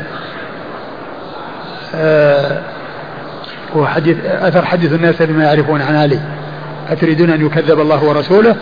وبعد أن ساقه قال علي كذا وكذا قال حدثنا به فلان عن فلان إلى آخره. يعني جعل المتن أولا والإسناد يعني آخرا. وهذا في كتاب العلم. وفي إسناده معروف بن خربوذ. يعني إسناد هذا الذي في كتاب العلم. نعم.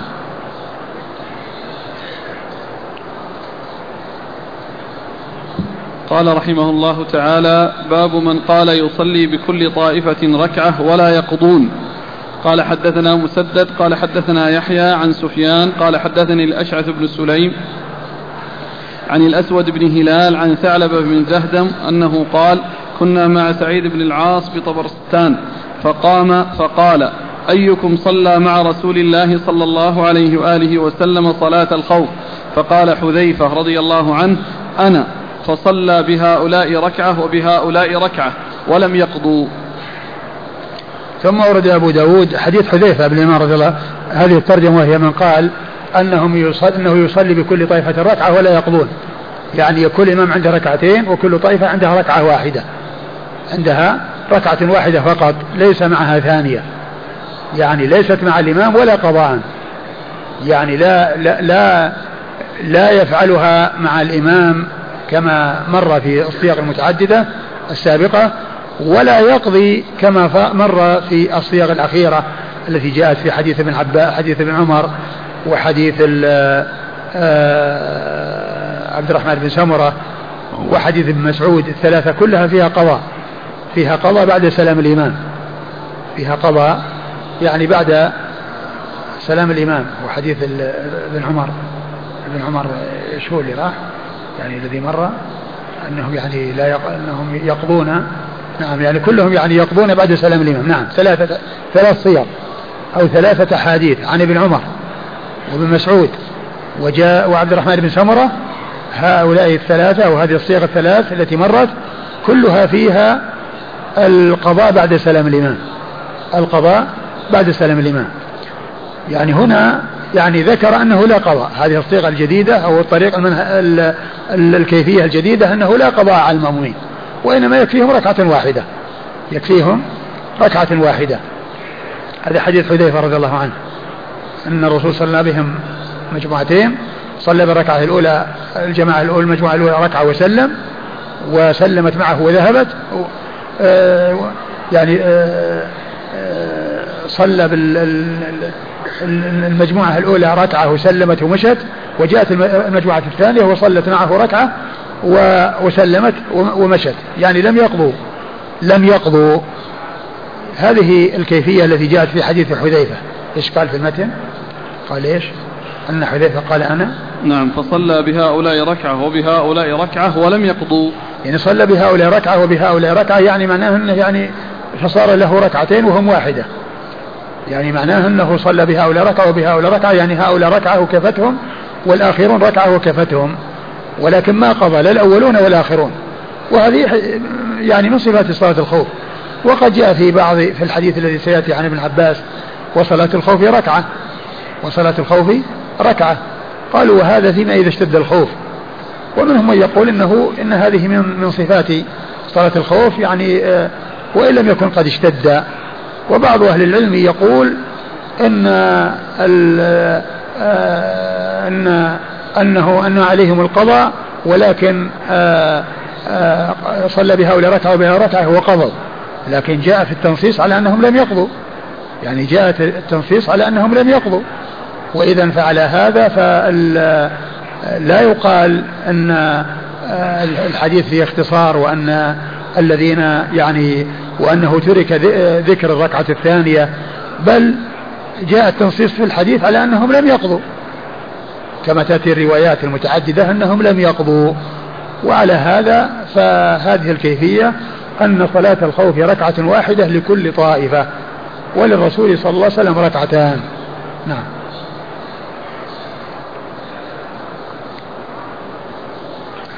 قال حدثنا مسدد. مسدد بن مسارحد البصري ثقة أخرج حديث البخاري وأبو داود والترمذي والنسائي. عن يحيى. عن يحيى بن سعيد القطان البصري ثقة أخرج له أصحاب كتب الستة.